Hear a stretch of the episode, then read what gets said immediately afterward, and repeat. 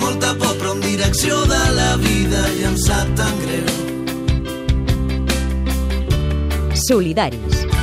No us ho mereixeu. No et donis per vençut. Un grup d'estudiants dels graus de Medicina i d'Infermeria de la Universitat Internacional de Catalunya sortiran d'aquí una setmana cap a Biblos, al Líban, Amb Adrià Bas. per ajudar nens refugiats de Síria i de l'Iraq.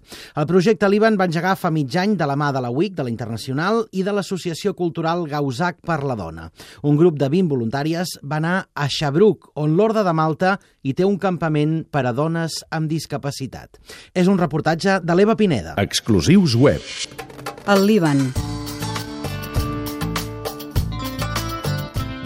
Un dels països del Pròxim Orient amb més pressió de refugiats, fronterer amb dos dels punts més calents del planeta, Israel i Síria.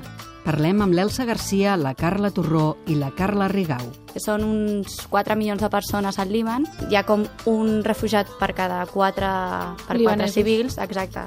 Gent de religions molt diferents, de realitats diferents, i a passar d'això han sigut els libanesos superhospitalaris. I es diu que el Líban és un lloc que és molt difícil ser molt radical perquè com que veus tantes realitats te n'adones que el teu és relatiu. És un país que canvia les persones.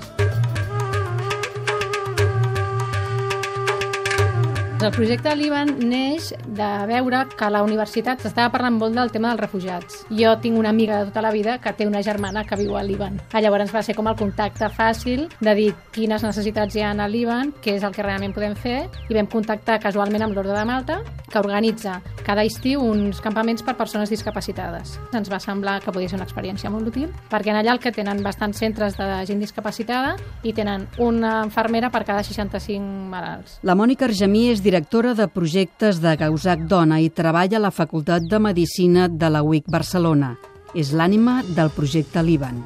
s'emporten a una quantitat de malalts fora del centre, com un campament, és una casa ben instal·lada, maca, i allà realment es pot atendre molt bé aquestes persones. I la peculiaritat que tenen aquests campaments és que s'atén un voluntari a un malalt.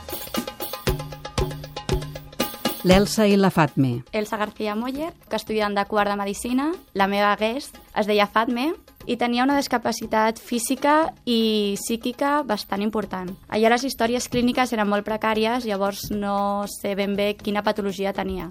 Va ser molt especial estar amb ella tota la setmana perquè anaves pel matí, l'aixecaves, anàvem a la dutxa i aquest era un moment molt especial. Havia de confiar en mi, que anés molt en compte quan posàvem música intentava, doncs, es movia, em seguia, m'agafava de la mà... Jo, per exemple, sóc una noia molt despistada, ¿vale? La Fatme se'n recordava molt més que jo i com que m'agafava del braç, voler-me dir, t'estàs deixant alguna cosa? I jo, què, què? I em va costar, això em va costar entendre-ho.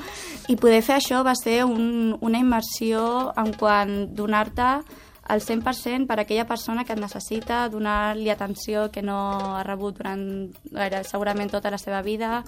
Llavors això per, de cara a la meva carrera va ser molt, molt enriquidor. La Carla i la Raida. Soc la Carla Torrón, faig cinquè de Medicina, la meva guest era la Raira. Me'n recordo molt quan van arribar totes les guest amb l'autocar i ella es va quedar dins que no volia sortir. Estava enfadadíssima, emprenyadíssima, perquè volia una cadira de rodes, volia que la... No, no, no, volia sortir. Era una persona que, bueno, a nivell d'història clínica pues, no posava gairebé res, però jo considero que era una pacient potser una mica psiquiàtrica, amb distonia, amb neuropatia vària, no podia caminar bé, però jo la veia molt conscient, no? I la veia molt introvertida. Però clar, després em vaig enterar que portava 20 anys ingressada en aquest centre. Llavors vaig comprendre ràpidament que era normal, no? Bueno, anem a adaptar-nos. I llavors va ser un canvi espectacular en tots els sentits, no?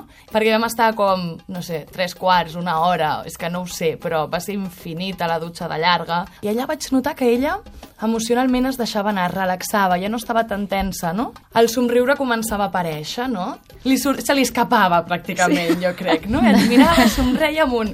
Ui! I jo crec que quan s'adonava que estava somrient, tornava a estar sí, sèria. Sí, sí, se li escapava.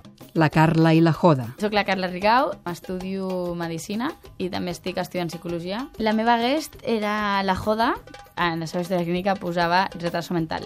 Personalment crec que es va fer una lectura molt ràpida de la seva situació perquè, bueno, de fet era molt autònoma. Tots els matins, quan vaig anar a despertar-la, ja estava dutxada, ja tenia les coses arreglades, fèiem juntes al llit.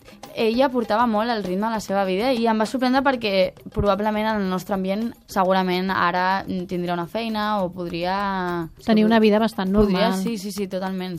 I va haver un dia que fins i tot li vaig dir intenta-li donar el menjar a la guest d'una altra noia i es va posar a donar-li el sopar. O sigui, nosaltres generalment acabàvem fent moltes coses dinàmiques. Pintar o ens posàvem a caminar o curar l'arbre de Nadal, que al final va acabar sent bastant xulo. I un dia es va enfadar amb una guest que de fet era amiga seva, amb la que parlava, es va bloquejar i vam acabar seient juntes a mirar la posta de sol. I va ser, va ser un moment molt bonic. Què deixeu i què us emporteu del Líban? El que sí que queda, jo penso, és un punt de referència per a aquestes persones. Dius que quina pena només estar aquests dies, però és un punt de referència que ells tenen. De fet, el que es procura també és com crear un llaç d'amistat, que aquestes persones puguin dir, no, és que jo tinc un amic. Què ens aporta això a nivell de medicina, no? Doncs realment creiem que a la formació de medicina hauria de ser pràcticament obligatori fer unes... Igual que ens passem quatre setmanes fent cardiologia, estar quatre setmanes o vuit setmanes fent aquest servei aquí, per exemple, també, no? Perquè a vegades la formació mèdica s'allunya tant, ho veus tot des d'un punt de vista tan extern a la persona que t'oblides, no? I el més bàsic ho hem après ara i el valor que té això és, és immens. Les entrevistes, els reportatges, les seccions dels col·laboradors. Descarrega-te'ls a catradio.cat barra solidaris.